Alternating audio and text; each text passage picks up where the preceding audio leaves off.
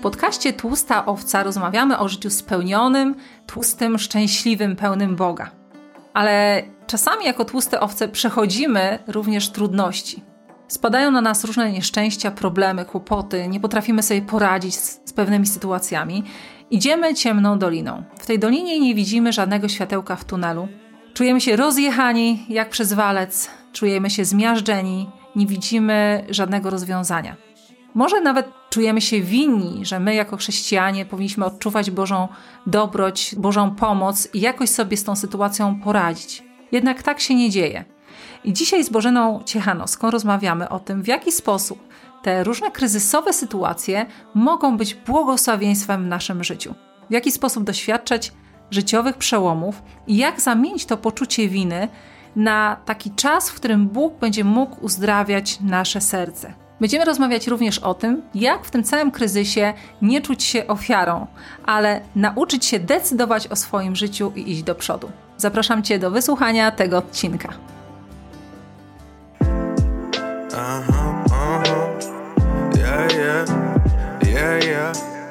Witaj w podcaście Agaty Strzyżewskiej Tłusta Owca. Rozmawiamy o spełnionym życiu, pełnym Boga i miłości do ludzi.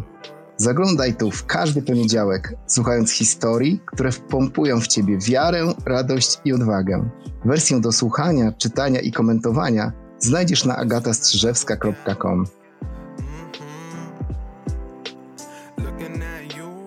Dzisiaj moim gościem jest e, Bożena Ciechanowska. Dziękuję Ci, Bożena, że zgodziłaś się wystąpić w moim podcaście. To ja dziękuję za zaproszenie, jest mi niezmiernie miło. Bożena jest e, kobietą, która żyje blisko Boga, która jest e, psychoterapeutką, jest dyrektorką poradni Zoe, terapia i rozwój w Bydgoszczy, e, ale przede wszystkim jest właśnie osobą, która ma wielki uśmiech. Tak się jakoś składa, że wszyscy moi goście w podcaście mają wielkie uśmiechy. To już tak się dzieje, kiedy żyjemy z Bogiem. I ma wielkie doświadczenie, jeśli chodzi o swoje własne życie, ale też życie innych ludzi. Pomaga innym, czerpiąc z tego doświadczenia. Więc dzisiaj porozmawiamy sobie na takie bardzo ludzkie tematy, głębokie tematy. I Bożena, chciałam Ci zadać takie pierwsze pytanie. Wielu z nas przechodzi trudny okres e, w życiu. Mamy różne etapy, czasami nawet jako chrześcijanie, nawróceni ludzie, nie radzimy sobie. Czujemy, że idziemy przez taką ciemną dolinę.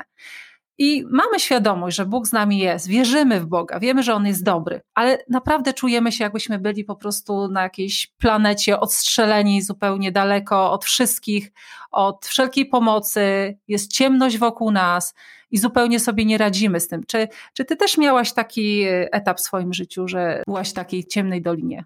Ja nawet byłabym skłonna powiedzieć, że nie tylko etap, ale pewnie i etapy, bo nasze życie, ja to porównuję do różnych sezonów i zdarzają się takie sezony, gdzie, gdzie wszystko układa się tak, jak sobie to zaplanowaliśmy, wymarzyliśmy, a są też takie sezony, które nam się zdecydowanie nie podobają, bo są to sezony, kiedy mamy poczucie, że no wszystko, ale to absolutnie wszystko idzie pod górkę, wszystko idzie nie tak, jak, jak to miało być.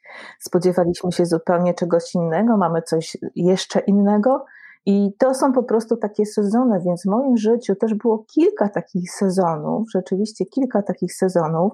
Oczywiście każdy z nich miał inny stopień natężenia i pewnie mogłabym też powiedzieć, że był taki sezon, który był dla mnie najtrudniejszy, ale to są właśnie te momenty, te sezony, kiedy i ja miałam poczucie, że właściwie nade mną to ja to zawsze mówię, że jest taka ciemna chmura i że właściwie nie widać już nic, nie?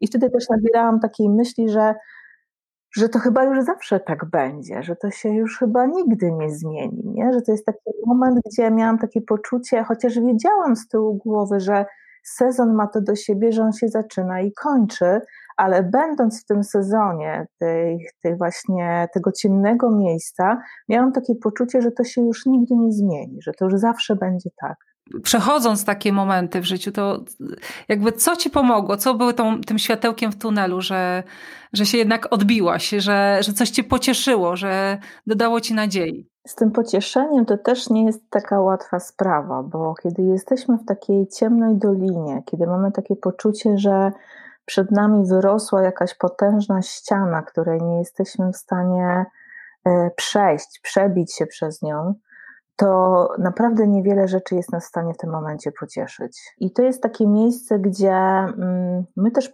potrzebujemy doświadczyć, to jest takie moje jak gdyby rozumienie tej sytuacji, że my potrzebujemy poczuć jak gdyby ogrom tego, y, tego trudu, w którym w danym momencie jesteśmy po to, aby później też móc y, jakby spojrzeć na to nieco z dystansu, tak? Czyli Czyli to miejsce doświadczenia, to trudne miejsce jest też po to, abyśmy trochę w nim pobyli, pobyli nie? trochę tego podoświadczali. Ojej, to brzmi tak jak znęcanie się nad samym sobą. Nie, nie, y, ponieważ y, to, co często z mojej perspektywy jest y, błędem w przypadku próby pomagania osobom znajdującym się w kryzysie, to takie zbyt szybkie oczekiwania względem tej osoby, że ona się szybko podniesie i szybko zacznie żyć na nowo. Mm-hmm. Mm-hmm.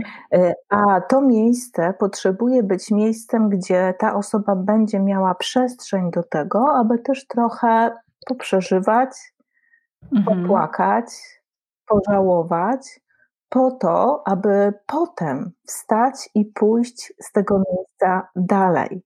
Czyli to jest trochę bezduszne i takie e, jakby nieludzkie oczekiwać od osoby, która znalazła się w miejscu kryzysu, znalazła się w miejscu doświadczenia, że ona się szybko dźwignie. Szczególnie mam takie poczucie, że to jest też takie oczekiwanie względem ludzi, którzy są właśnie ludźmi wierzącymi. I często się też te osoby słyszą, no przecież masz Boga, no przecież Bóg ci pomoże, no y, nie jesteś sam, nie jesteś sama. I tym bardziej oczekuje się od tych osób, że one szybko, szybko zaczną jak gdyby funkcjonować y, y, normalnie, tak jakby tej sytuacji, sytuacji nie było. Takie jest moje doświadczenie, nie? Jak ja się znalazłam w takim miejscu, miałam takie poczucie, nie? No tak, ale czy to nie jest e, takie destruktywne? Bo tak mi się wydaje, że tkwienie w momencie, e, w takim punkcie, gdzie ja nie widzę rozwiązań, gdzie jest mi ciężko, gdzie jestem obciążona, gdzie nie mam radości, że to jakby zniekształca mojego ducha, że mnie tak, wiesz, wysysa ze mnie wszystkie siły i że jeżeli tkwimy w tym dłuższy czas, że to nas. Yy, jakby upośledza. Nie wiem, takie, takie mam y, odczucie wewnętrzne. Może dlatego też, że jestem taką osobą, która tak stara się być zawsze dzielna. Dobra, Agata, to teraz zbierasz się, lecisz dalej. I oczywiście to ma swoje negatywne skutki, bo też y, przeżyłam parę sytuacji, w których Bóg mi pokazał, nie, Agata, właśnie potrzebujesz trochę czasu, żeby twoje rany się wygoiły i to nie jest nic nienormalnego, że, że ten czas musi być że takie bieganie z, y, chlapiąc krwią, że tak powiem, dookoła, ponieważ nie pozwoliłeś y, sobie wydobrzeć, y, wcale nie jest dobre i nie jest zdrowe, tak? Ale z drugiej strony właśnie ta obawa, czy to nie jest takie, nie wiem, torturowanie się zbędne. Kiedy w życiu stajemy w takim miejscu, kiedy doświadczamy czegoś naprawdę bardzo, bardzo trudnego, i to jest właśnie to miejsce naszej takiej ciemnej doliny, y, tego poczucia, tak jak ja o tym mówiłam, że nie ma już nic i że już się nic nie zmieni, i że już zawsze będzie, y, że już zawsze będzie tak samo. To jest to takie miejsce, które mocno obciąża nas też pod każdym względem, też i emocjonalnym emocjonalnym też i takim to weryfikuje naszą wiarę, nasz poziom zaufania względem Boga. Moje doświadczenie mocno to zweryfikowało. Łącznie z tym, że zaczęłam podważać w ogóle fakt, że Bóg istnieje, a jak już stwierdziłam, że istnieje, to potem się zastanawiałam, czy on na pewno jest dobry, bo dobry Bóg tak nie działa. I to jest takie miejsce, gdzie mając pewne emocje, jeśli my zbyt szybko, zbyt szybko, tak jak powiedziałaś, to też na bazie swojego doświadczenia, będziemy się starali ruszyć z tego miejsca i cokolwiek zacząć robić, to przy pierwszym kolejnym zakręcie życiowym, czyli kolejnym doświadczeniu, y, odżywają wszystkie nie, niezaleczone zranienia, tak jak mówiłaś, i wracają wszystkie emocje wracając jeszcze większą siłą. Mówiąc dosłownie, będziemy rozłożeni na łopatki.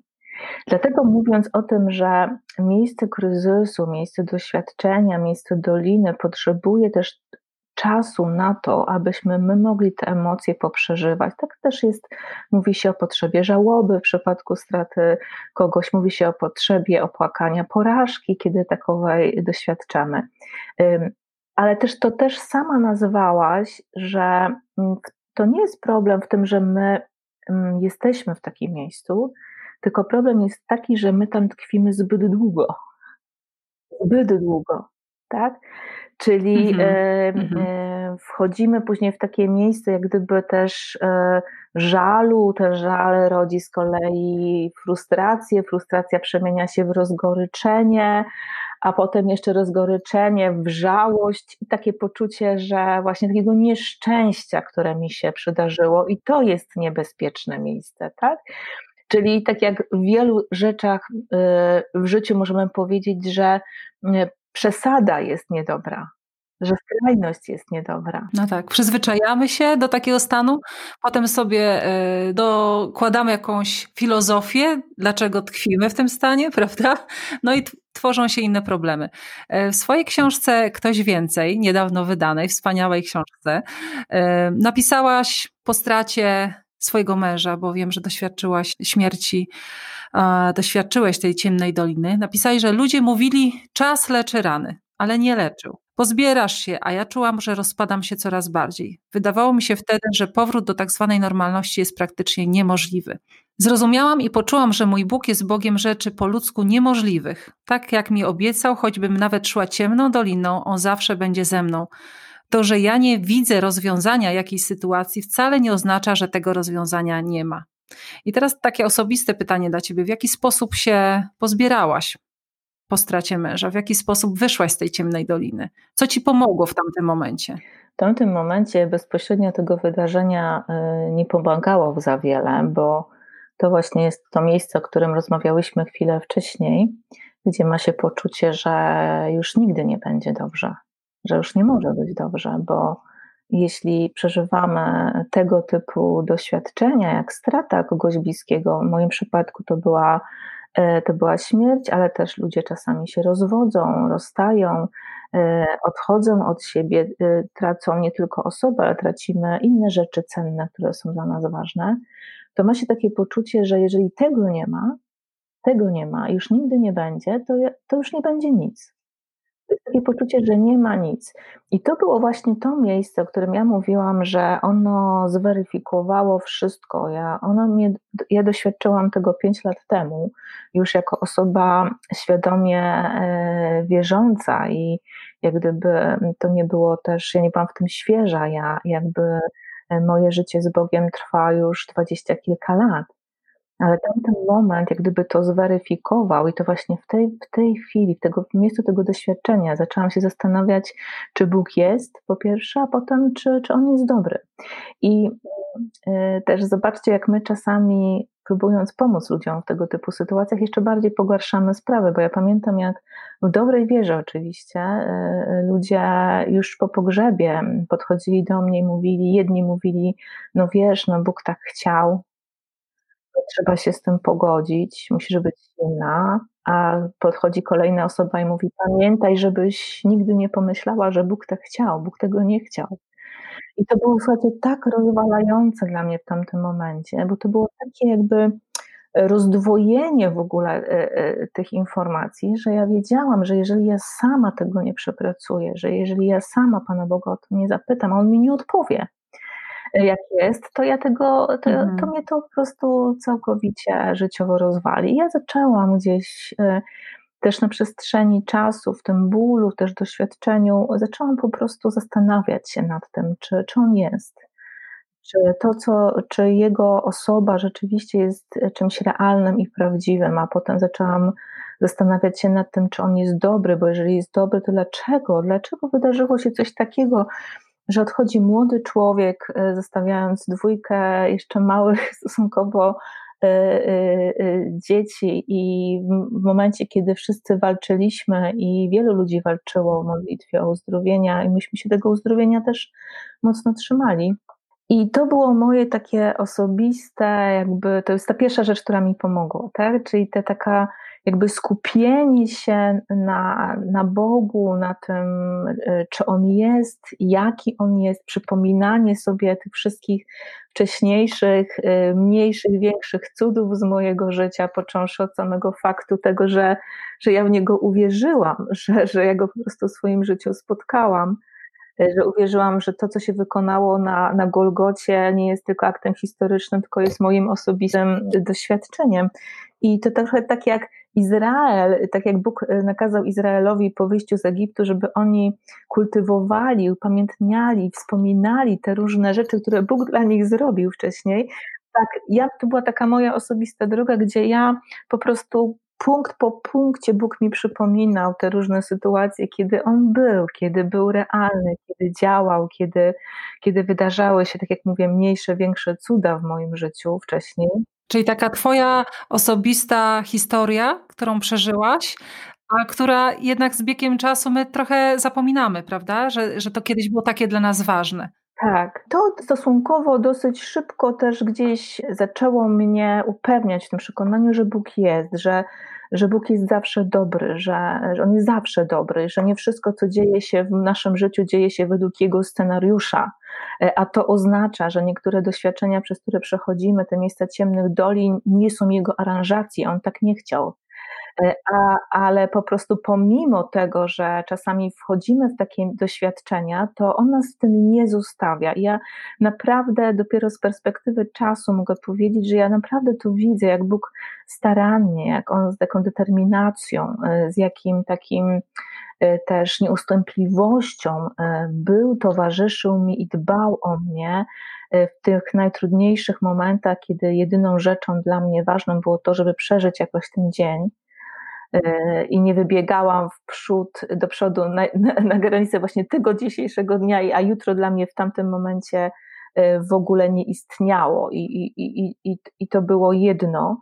Drugie, co mi pomogło, to to, że ja mocno, mocno jak gdyby trzymałam się w takiej aktywności życiowej i, i wiedziałam, to też może świadomość tego, że zostałam sama, mam dwójkę dzieci na wychowaniu, więc muszę jakby też utrzymać rodzinę, ale to mi też pomogło, że ja mocno zaangażowałam się po prostu w aktywność dnia codziennego, w pracę. E, I to było tak, że po prostu moja praca to jest praca z drugim człowiekiem. Ja jestem psychoterapeutą, pracowałam w gabinecie i wiecie, możecie sobie wyobrazić, jak to było, e, kiedy siedziała naprzeciwko mnie osoba opowiadając jej o swoich doświadczeniach, a ja dwa tygodnie wcześniej, gdyby no, pożegnałam się ze swoim mężem, tak? Ale ta koncentracja, właśnie to, że, że ja jestem dla drugiego człowieka i że ten jego problem, który, no oczywiście, zostawiając te dwa, wydaje się y, dużo, dużo mniejszy, ale to był dla tej osoby wielki problem i to mi też pomogło. Ale ja też prowadzę szkolenia, ja też właśnie dwa tygodnie po pogrzebie już prowadziłam szkolenie i musiałam być w pełni aktywna, jak gdyby w interakcji z uczestnikami. Ja potem wracałam do domu i płakałam po prostu, albo do hotelu i nie mogłam ruszyć ręką, nie mogłam ruszyć nogą, ale z perspektywy czasu widzę, że że po prostu to miejsce takiego jakby mm, skoncentrowania na tu i teraz, na dniu dzisiejszym, na, na aktywności spowodowało, że ja nie zostałam w tym łóżku po prostu taka e, bezwładna i bezradna całkowicie. Mhm. Ale największy przełom, jeśli chodzi o moje wyjście z miejscu kryzysu, on się wydarzył mm, na początku ubiegłego roku, czyli już 2020, czyli mm, zobaczcie, 4,5 mm, roku, właściwie prawie 5 po, y, po śmierci mojego męża. Był wtedy, kiedy do mnie do gabinetu trafiła kobieta y, z tożsamym doświadczeniem. Ona też straciła nagle męża, została z dwiema córkami, czyli bardzo podobna e, sytuacja. Opowiadała mi o całym spektrum różnych objawów, symptomów, problemów, jakie dzisiaj przeżywa. Wiecie, wtedy siada cały nasz organizm, nie? I też bardzo często e, takie trudne, trudne przeżycia, one się przekładają na takie różne schorzenia psychosomatyczne, czyli pojawiają się dolegliwości e, typu kołatania serca, bóle w klatce piersiowej, e, napięcia, napięcia takie mięśniowe, problemy z żołądkiem, bo siada cały nasz organizm. To jest takie też, no, nasze ciało jest e, jak gdyby kompletne, więc kiedy my przeżywamy trudne doświadczenia, to też nasze ciało wtedy reaguje.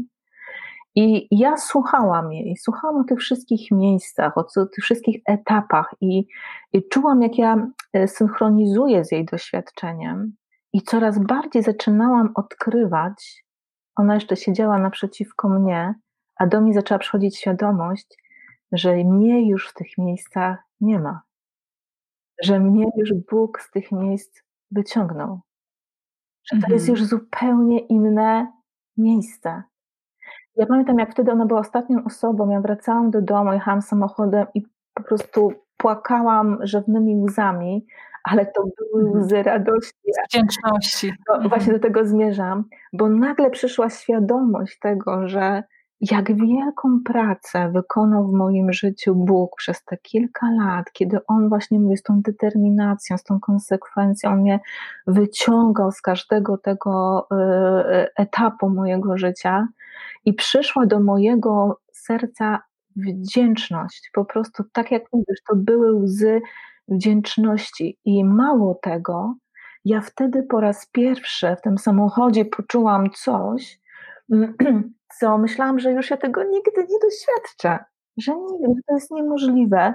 A tym czymś był taki, żeby, żebyście mnie dobrze zrozumieli, taki przebłysk szczęścia. Mm-hmm. Przebłysk mm-hmm. szczęścia. I to był taki przełomowy moment, i ja naprawdę też w książce o tym pisałam, ja naprawdę w to wierzę, słuchajcie, że, że szczęście przychodzi do naszego życia na zaproszenie wdzięczności.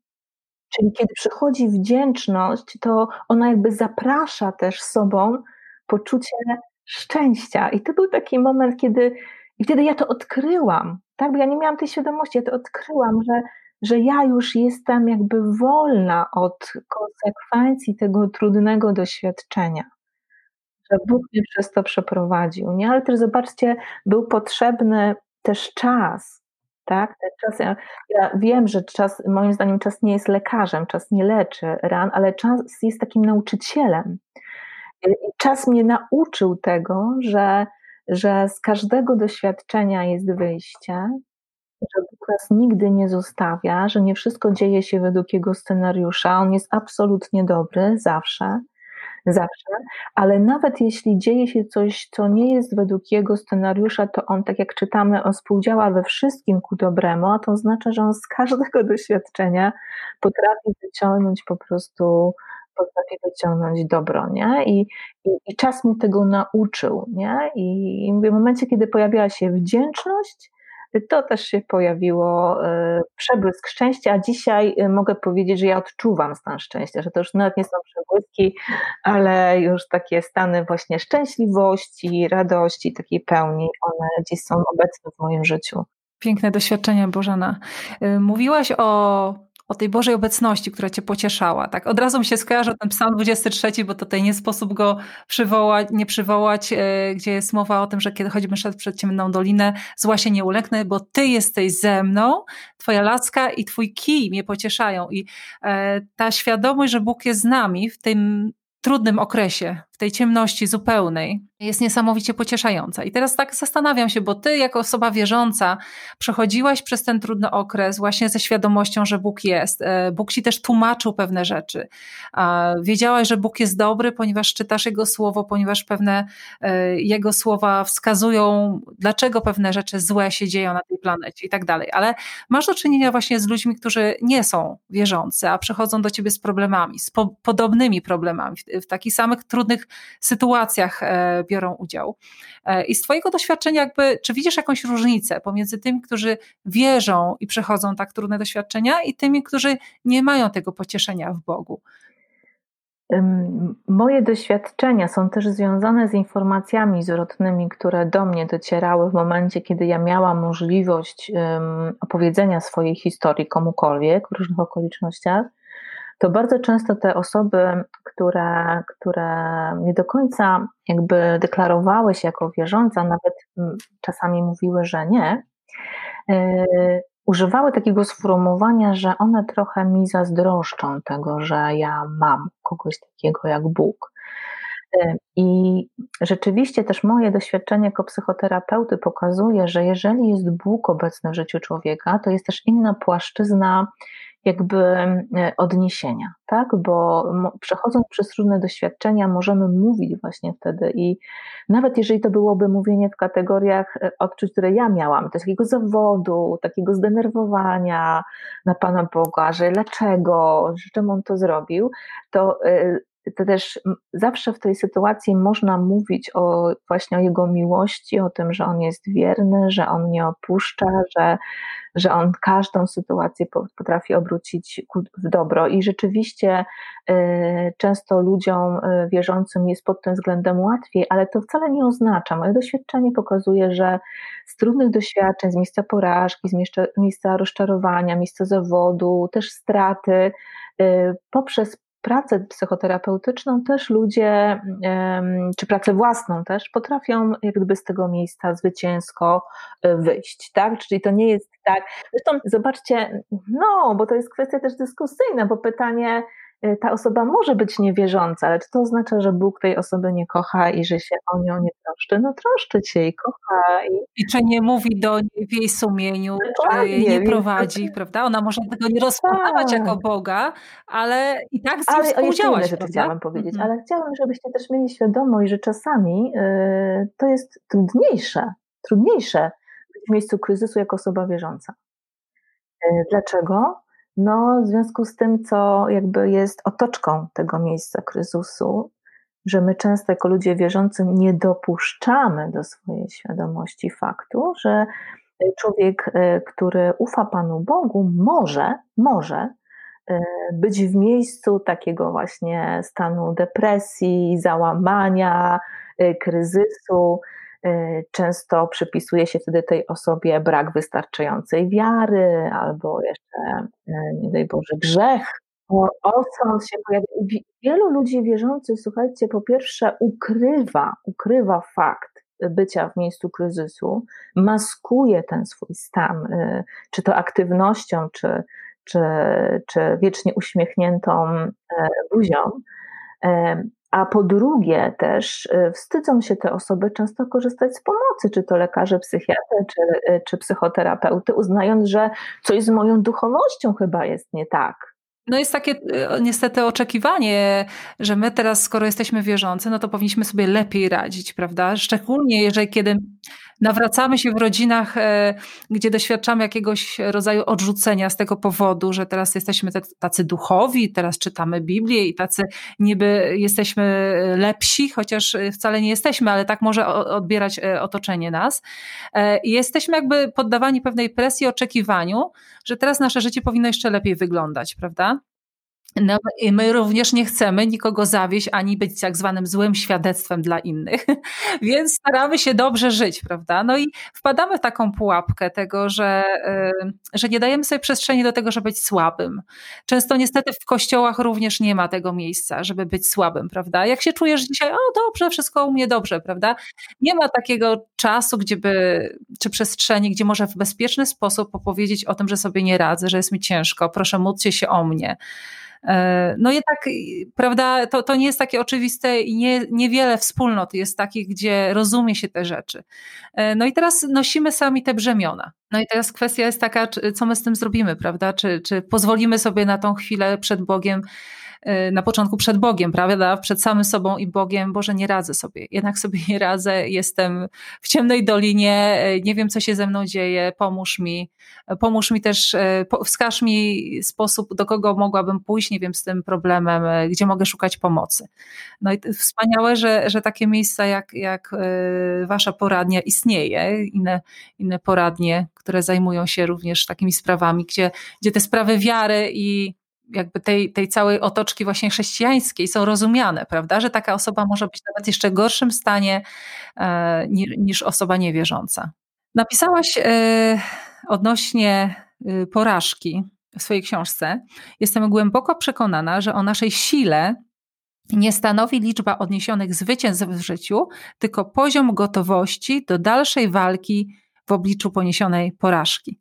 I teraz sobie ciekawie to sformułowanie poziom gotowości do, do dalszej walki, bo mm, no właśnie kiedy jesteśmy zranieni, kiedy jesteśmy taki, tacy pognębieni, czujemy się jakby nas walec rozjechał, no to jest taki stan, w którym najmniej czujemy jakąkolwiek siłę, tak? Nie mamy tej siły, czujemy, że nie mamy tej siły, tak naprawdę może, rzeczywistość może być inna, ale my czujemy, że nie mamy siły. I teraz skąd tą siłę brać? No to mówimy z perspektywy głównie osób y, wierzących. Wiemy, że Bóg jest naszą siłą, wiemy, że radość jest naszą siłą. Też wspomniałaś o e, swoim doświadczeniu, gdzie wdzięczność był to był taki pewien klucz, prawda? Kiedy zaczęłaś sobie przypominać, co Bóg już zrobił w Twoim życiu, pojawiła się wdzięczność i równocześnie taka nadzieja, że skoro zrobił w przeszłości, to też będzie robił w przeszłości, prawda? E, ale może tutaj masz jeszcze jakieś myśli czy, czy rady? Skąd brać tą siłę do, do tego, żeby się podnieść z porażki? Ja mam takie, to są moje jakby oczywiście e, osobiste przemyślenia i mogę je bronić. Jakbyście chcieli podyskutować, to mogę je bronić. Ale moim zdaniem ta nasza relacja z Panem Bogiem i Jego obecność w naszym życiu nie zwalnia nas E, z działania i zdecydowania. To znaczy, że e, kiedy mówimy, no Bóg ci pomoże, Bóg cię przeprowadzi, Bóg cię z tego wyciągnie, Bóg to uleczy, Bóg to naprawi, e, ale Bóg nie chce, żebyśmy byli w tym bezwolni, bezsilni, jak bierni, jak taka marionetka, którą tylko Bóg e, gdzieś porusza. E, on oczekuje od nas e, cały czas jakby gotowości do działania, do podejmowania pewnych aktywności. On przykłada swoją rękę do, do tej naszej ręki, która jest wyciągnięta w kierunku zmiany, gdzie chcemy pójść. I e, kiedy mówimy o miejscu porażki, czyli o takim miejscu, ja to tak e, obrazowo porównuję do takiego pobojowiska, czyli takiego pola tuż po przegranej bitwie. E, to sobie tak wyobrażam, że gdzieś tam są ofiary tej bitwy, są ranni, którzy mają zranienia w wyniku tej walki, że jeszcze się unosi kurz po tym doświadczeniu, że że jeszcze czuć zapach po prostu siarki, czyli tych y, wystrzelonych pocisków.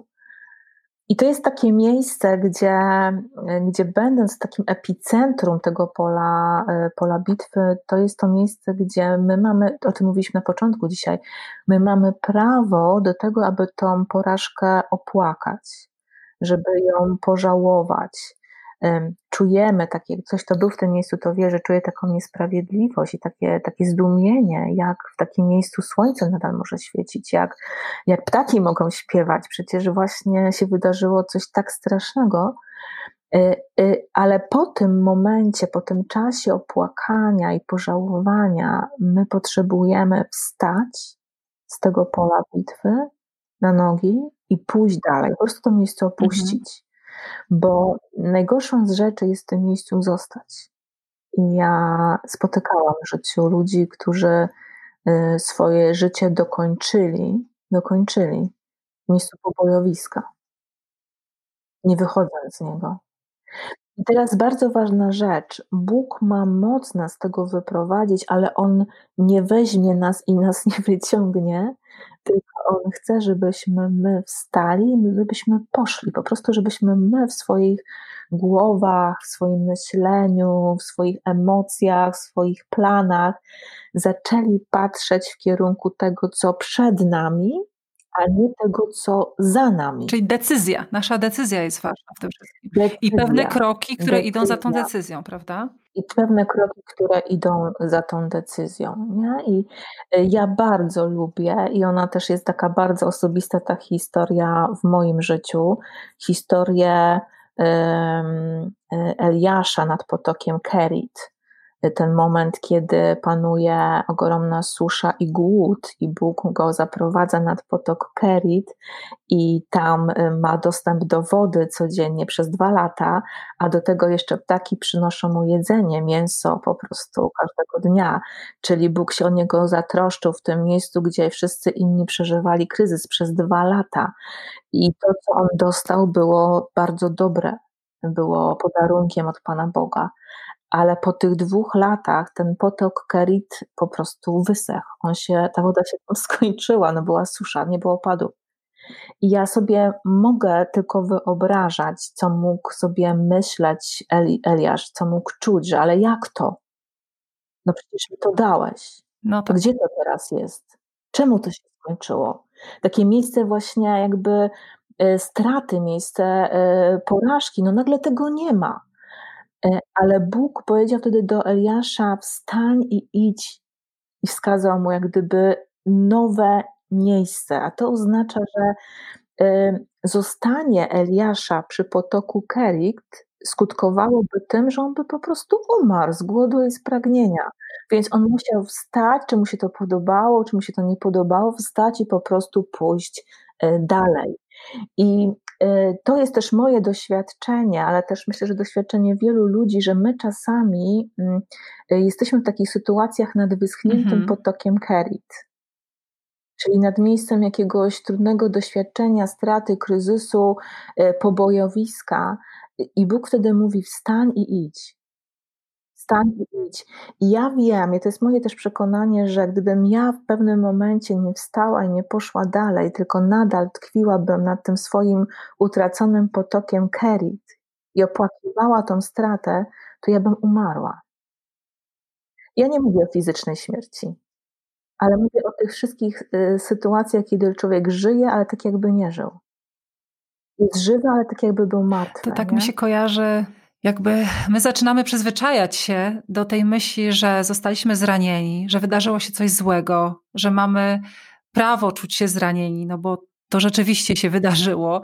Jakby mamy powód, silny powód i a, jakby Bóg nas zaopatruje, ten, tę ilustrację, którą podałeś z Eliaszem. Bóg nas zapatruje, daje nam czas i, i też zasila nas przez te dwa lata, żebyśmy my mogli dojść do siebie, żebyśmy mogli stanąć na nogi, prawda?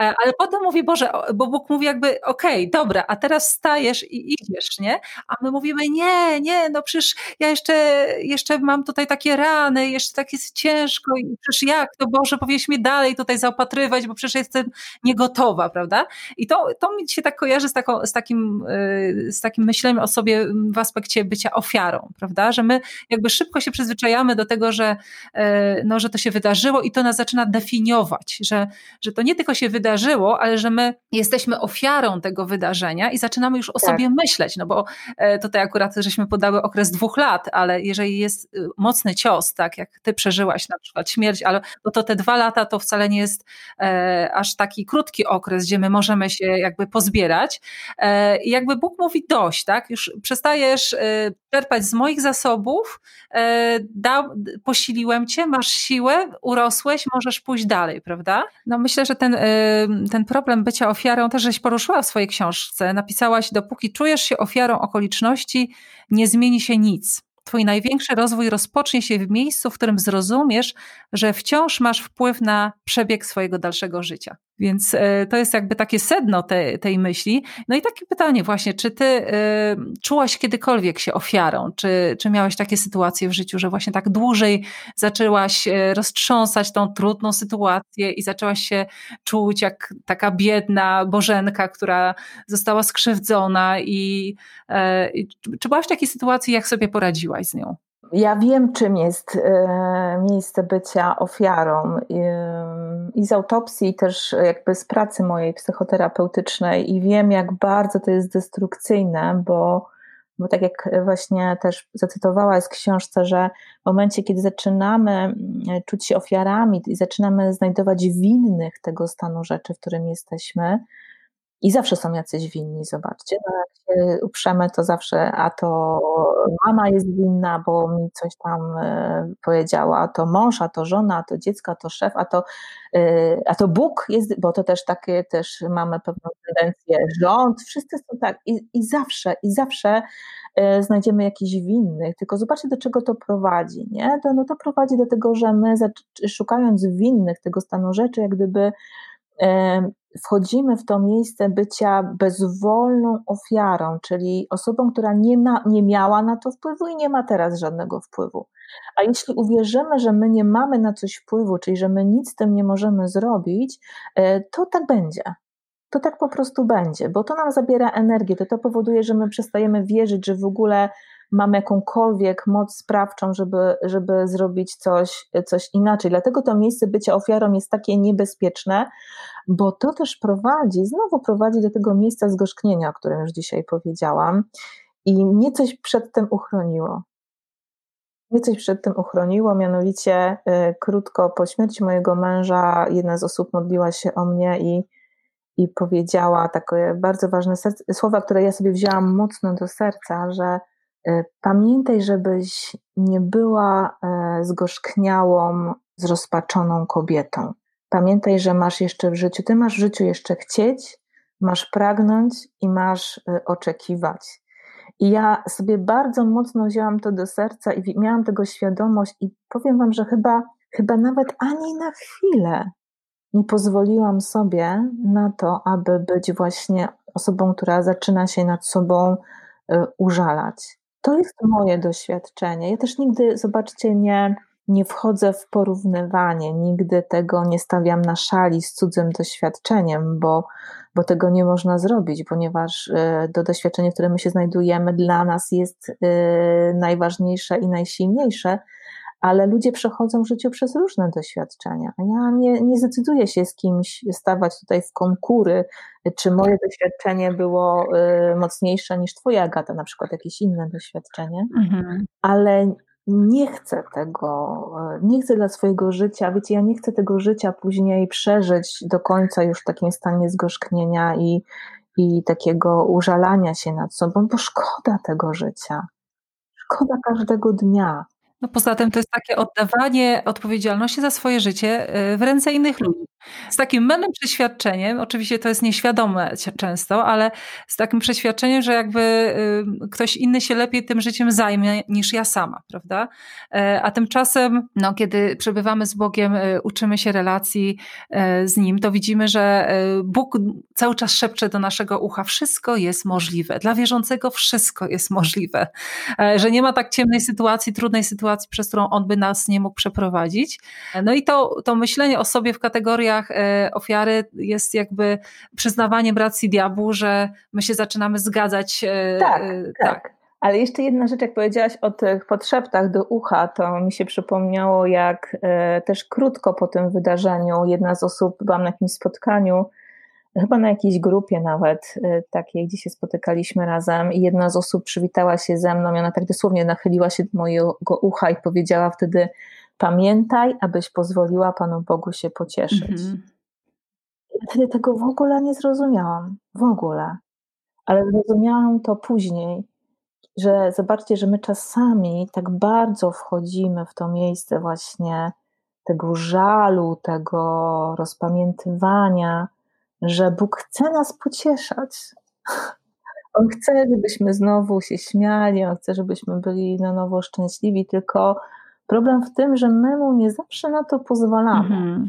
Wspomniałaś tutaj o tej osobie, która ci szepnęła do ucha. No i właśnie to jest taka następna bardzo ciekawa kwestia, bo e, rozmawiając o, o pocieszeniu, o wychodzeniu z kryzysu, o wychodzeniu z porażki, o takim stanięciu na nogi, tak, czyli y, no, dać sobie czas na wydobrzenie, ale jednak no, podnieść się z tego wszystkiego.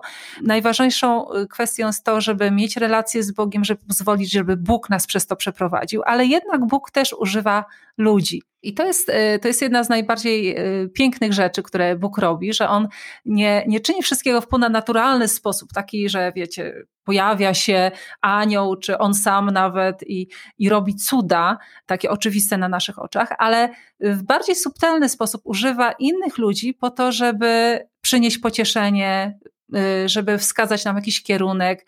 Tutaj usłyszałaś szept jakiejś osoby, prawda? Ktoś inny modlił się na pewno też o ciebie. Słyszałaś wiele słów, które nawet w pewnym momencie może cię nawet drażniły, ale, ale były wypowiedziane w dobrych intencjach.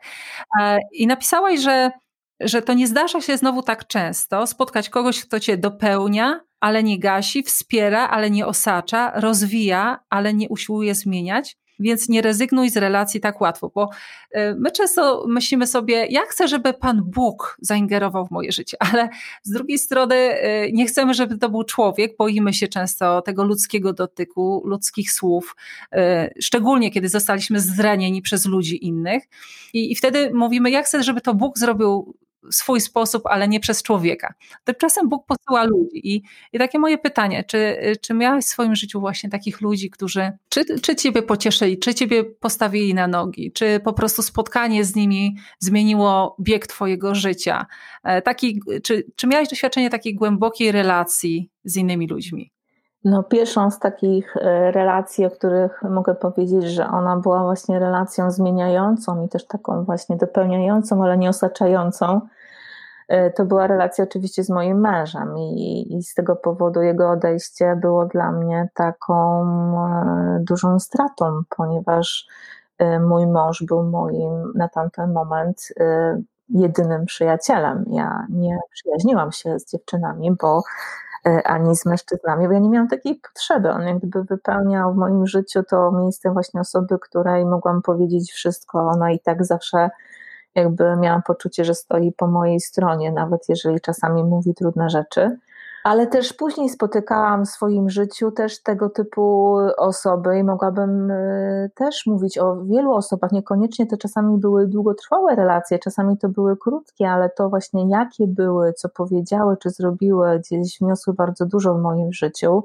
Ja myślę, że nie byłabym tym kim jestem, gdyby nie ludzie, których właśnie spotykałam, którzy, którzy byli w moim życiu ważni, którzy coś do tego życia mhm. wnieśli. Z całą pewnością, absolutnie tego typu osobą była Alinka Wieja, która miałam możliwość też e, nie tylko poznać, ale też, e, też się przyjaźnić i ona też w moje życie bardzo dużo wniosła. Ona w ogóle gdzieś też wyszukała mnie i, i, i jak gdyby zaprosiła mnie do różnych takich e, aktywności typu, nie wiem, wykłady na konferencjach, e, czy szkolenie w ramach Instytutu Poradnictwa Chrześcijańskiego, no to była ona, ona też dużo we mnie zainwestowała. I w związku z tym jej strata, przeżywaliśmy teraz niedawno dwa lata od tego momentu, też była kolejnym bardzo trudnym e, dla mnie doświadczeniem ale też tak sobie myślę, że mm, bardzo by mi zależało, abym e, ja mogła być taką osobą dla innych ludzi. Chciałabym być taką osobą. No właśnie to mi od razu przyszło do głowy odnośnie naszej rozmowy, że no, ludzie przechodzą różne trudne momenty swojego życia i teraz y, myśmy również przeszły, doświadczyłyśmy pocieszenia. E, I czasami są ludzie e, wokół nas, którzy chcą pocieszyć, ale robią to bardzo nieumiejętnie i, e, i mają nawet dobre intencje, ale nie wiedzą, co powiedzieć. I, i pamiętam, przypomina mi się historia, kiedy jedna z moich znajomych straciła swoje dziecko pierwsze. Umarło zaraz po narodzeniu i ona opowiadała, że bardzo jej wtedy brakowało ludzi. Bardzo potrzebowała, żeby ktoś był blisko, żeby rozmawiał z nią o tym dziecku, żeby ona mogła wymawiać imię tego dziecka, żeby, żeby to dziecko tak istniało chociażby w rozmowach, e, a ona doświadczyła wręcz czegoś przeciwnego, że ludzie chcieli być tak delikatni, że właśnie nie rozmawiali na ten temat, omijali ten temat, y, nie rozmawiali z nią w ogóle, bo czuli, że ona potrzebuje czasu, żeby, żeby się z tym uporać, że potrzebuje, y, żeby te rany się zabliźniły, a ona y, właśnie nie rozumiała, dlaczego ludzie się tak dziwnie zachowują, że ona właśnie potrzebowała ludzkiego kontaktu z ludźmi. I teraz, no właśnie, jak my możemy być użyteczni dla innych w takich momentach, kiedy oni przechodzą trudne, trudne momenty, jak my możemy jakby pomóc im e, przejść te ciemne doliny, będąc e, wrażliwymi, e, empatycznymi. Czy my możemy być takimi osobami, przy których ludzie kwitną, gdzie, gdzie się rozwijają, tak jak żeś napisała, żeby ich wspierać, ale nie gasić? Hmm, pewnie, że możemy. No, gdyby to nie było możliwe, to pewnie byśmy o tym nie rozmawiały. Ja tak sobie myślę, że bardzo często ta nasza nieumiejętność e, jakby e, bycia tego typu osobami, wspierania ludzi w trudnych momentach wynika z tego, że my, nie bardzo, że my często nie wiemy, co mamy zrobić. Czujemy się bezradni, nie? że bardzo chcemy tej osobie użyć, bardzo chcemy jej pomóc, ale no nie wiemy jak i też właśnie to jest to miejsce, e, nasz początek rozmowy, kiedy tym y, bardzo nam zależy, by ta osoba już z tego wyszła, żeby po prostu już się podniosła, bo nam jest ciężko też. Żeby nie było tak smutno. No, bo nam tak. jest ciężko towarzyszyć, bo nie wiemy, co zrobić, kiedy ona znowu płacze na przykład. I jeśli mamy do czynienia, to taka moja podpowiedź, jeśli mamy do czynienia z osobą w miejscu, akurat w epicentrum takiego trudnego doświadczenia, to ona nie potrzebuje słów. Mhm. Ona potrzebuje obecności. Mhm. I żebyśmy się nie wysilali często e, tym, że musimy coś teraz takiego powiedzieć, co tam osobę podniesie, bo, bo czasami dużo bardziej ranimy jeszcze mocniej niż, niż pomagamy. Pamiętam, jak ktoś powiedział do mnie bardzo krótko po, że najlepsze jeszcze przede mną, a ja myślałam, że tą osobę za chwilę uduszę. Tylko żebyśmy po prostu z nią byli, nawet nie mówiąc nic, ale siedząc, nie wiem, robiąc obiad, trzymając za rękę, albo nie trzymając, po prostu siedząc, mówiąc y, po prostu swoją obecnością możemy tego typu y, ludzi wspierać. Tak w miejscu takiego epicentrum, a później też, kiedy, kiedy w życiu spotykamy ludzi, ja to sobie też mocno biorę do serca, to zobaczcie, jest wiele rzeczy, które nas w życiu dołują i nas e, jak gdyby dyskredytują w pewnych aspektach, a ja tak sobie powiedziałam, że ja nie chcę, że ja chcę ludzi budować, czyli ja chcę im mówić to, co ich wspiera, to, co ich podnosi, co ich wyciąga z tych miejsc kryzysu. Jest wystarczająco mnóstwo powodów, z którego których ta osoba spotka się, czy to z krytyką, czy z odrzuceniem, a, a to ważne jest, żebyśmy potrafili ludzi właśnie budować, a nie rujnować, jak ja to mówię. Myślę, że to jest szczególnie trudne w momencie, kiedy jakaś osoba cierpi z powodu swoich własnych błędów, prawda? Wtedy się aż ciśnie na usta, żeby jej powiedzieć, słuchaj, gdybyś tylko tak nie zrobiła, albo zrobiła inaczej, tak jak ja ci mówię.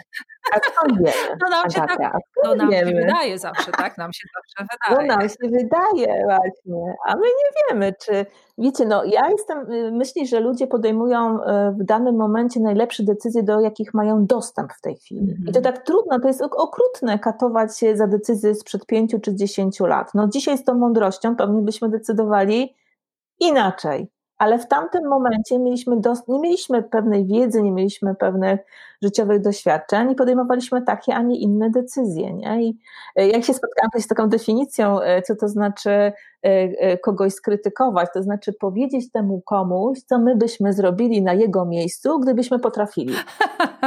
No tak. Nie? Że to tak no łatwo tak. komuś powiedzieć, nie? Że... Tak.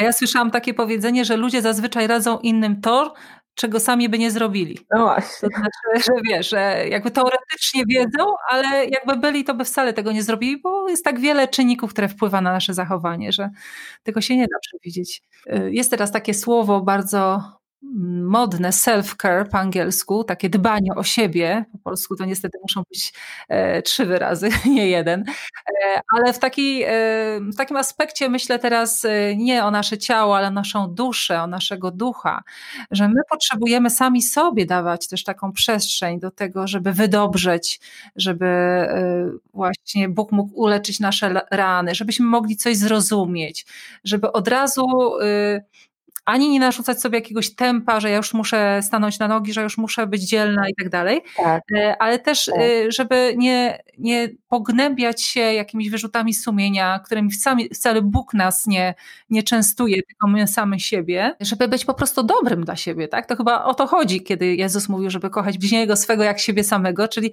żeby kochać siebie na tyle, żeby samym dla siebie być taką osobą, która siebie wspiera, tak? Może to dziwnie brzmi. Wiemy, że Bóg nas wspiera, wiemy, że inne osoby e, nas mogą wspierać, o tym żeśmy mówiły, ale też, że my możemy być takimi osobami, takim najlepszym swoim przyjacielem, osobą, która siebie nie ocenia, jakoś nie katuje, nie pogania, nie zmusza. Z jednej strony jest e, podatna na to, co Bóg może podpowiedzieć, jeśli chodzi o grzech, czy jakieś słabości, z którymi musimy się rozprawić, ale z drugiej strony sama siebie nie obciąża niepotrzebnie, prawda?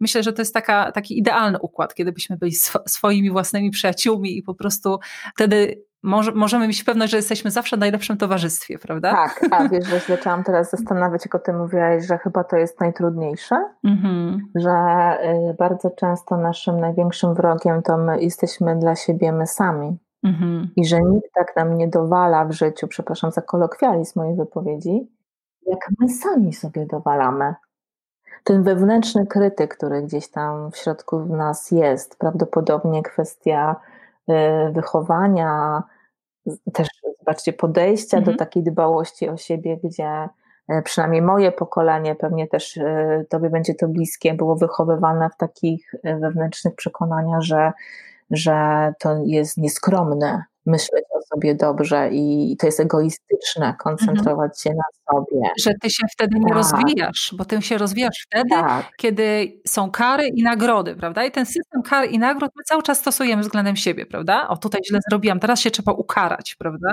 I że wtedy to jest taka głębia, że my wtedy tak przeżywamy to, jaki jest ten ból, to my się wtedy uczymy więcej, prawda? Przez to cierpiemy. Tak Tak, albo zobaczcie też to powiedzenie. Ja w ogóle nie wiem, jak to do tego doszło, że w naszych takich właśnie chrześcijańskich kręgach mówi się o czymś takim jak y, utożsamianie trudnego doświadczenia z krzyżem, który my mamy nieść. Tak, czyli wręcz Bóg chce, żebyśmy to robili. Tak, że to jest krzyż, że to w ogóle właśnie, że to nas uszlachetnia.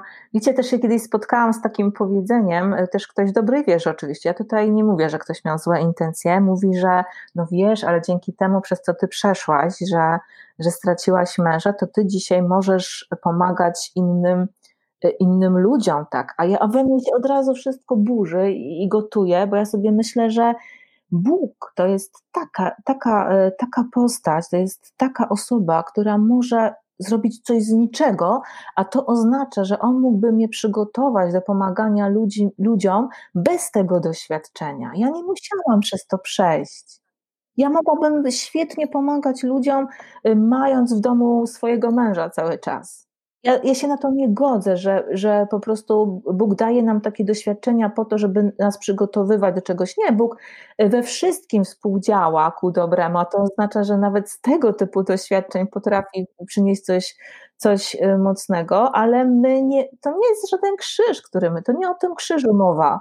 E, w Bożym Słowie, prawda? Tak, Bóg we wszystkim współdziała, to oznacza, że również e, w tych dobrych doświadczeniach, tak. czyli kiedy nie dzieje się nam nic złego, kiedy nie ma żadnych tragedii, tak. On z nami współdziała, czyli On potrafi wyprowadzić coś dobrego, czyli Ty możesz pomagać ludziom nawet bez tragedii, A prawda? że tak. My kiedyś będziemy e, w niebie, gdzie nie będzie płaczu, gdzie nie będzie cierpienia, gdzie nie będzie krzywdy, grzechu i tam będziemy się rozwijać w nieskończoność, a tam nie będzie tych wszystkich traumatycznych doświadczeń, prawda? Więc to jest Znowu jakaś błędna teoria, którą niestety y, gdzieś tam w środku nas ona wiruje i sieje zniszczenie, prawda? Że tak niestety fajnie, że o tym rozmawiamy, fajnie, że o tym mówimy, bo dobrze sobie zdać sprawę i czasami tak się zatrzymać, jakby wziąć pod lupę swoje myślenie, zaraz, zaraz, co, co jest w mojej głowie teraz, dlaczego ja się tak czuję, dlaczego takie myśli mam, prawda, czy one rzeczywiście są w głowie Pana Boga, tak, czy to są może po prostu jakieś zaszczepione mi e, w przeszłości schematy myślenia. E, Bożenko, bardzo Ci dziękuję za, za rozmowę, to było niesamowite, ja myślę, że to nie jest ostatni raz, kiedy tutaj u mnie w podcaście zagościsz, e, następnym razem porozmawiamy na pewno na inne tematy równie ciekawe. I Twoja książka, ktoś więcej, jeszcze raz reklamuje e, Bożeny Ciechanowskiej, jest niesamowitą kopalnią takiego właśnie badania swojego serca, swojego wnętrza e, pod kątem różnych przekonań i polecam Wam, żebyście kupili, żebyście przeczytali, żebyście nie tylko przeczytali, ale pracowali z tą książką, bo Bożena, widzę, że to jest taki bardziej poradnik, prawda, niż, e, niż książka. Znaczy ja się trochę bronię przed tym poradnikiem, aczkolwiek konstrukcja tej książki jest dość nietypowa, ponieważ każdy rozdział poruszając inne życiowe zagadnienie daje też taki, taką przestrzeń do osobistej pracy dla czytelnika, czyli tam się pojawiają pytania, zadania, coś, nad czym ten ktoś może dany temat przepracować e, w swoim życiu. No i to jest taka też przestrzeń do tego, żeby być z Bogiem, prawda? Żeby z danym pytaniem usiąść przed Bogiem i żeby On mógł mówić, żeby On mógł nam tłumaczyć pewne rzeczy, przypominać z przeszłości może jakieś doświadczenia. Że nie da się tego po prostu tak przeczytać i zrozumieć, tylko my potrzebujemy mieć czas, prawda? Żeby tak trochę pomedytować nad pewnymi obszarami naszego życia. Jak to dobrze sobie tak szczerze porozmawiać. Jak to dobrze wiedzieć, że nie jesteśmy sami na tym świecie, którzy przechodzą przez ciemną dolinę. Nie jesteśmy jedynymi, którzy mają problemy, i jako chrześcijanie nie musimy czuć się winni, że nie umiemy przejść wystarczająco szybko w miejsce uzdrowienia. Drogi słuchaczu, zachęcam Cię do tego, byś zostawił swój komentarz. Być może też w swoim życiu doświadczałeś trudności, różnych kryzysów i Bóg Cię przez to przeprowadził. Masz teraz coś do powiedzenia, masz jakieś rady do udzielenia. Proszę wejdź na moją stronę agatastrzyżewska.com ukośnik podcast, zakładka tłusta owca i pod tym dzisiejszym odcinkiem zostaw swój komentarz. Napisz o swoim doświadczeniu i w jaki sposób Bóg Cię przez nie przeprowadził. A ja już żegnam Ciebie. Do usłyszenia za tydzień, w następny poniedziałek. Pozdrawiam. Papa. Pa.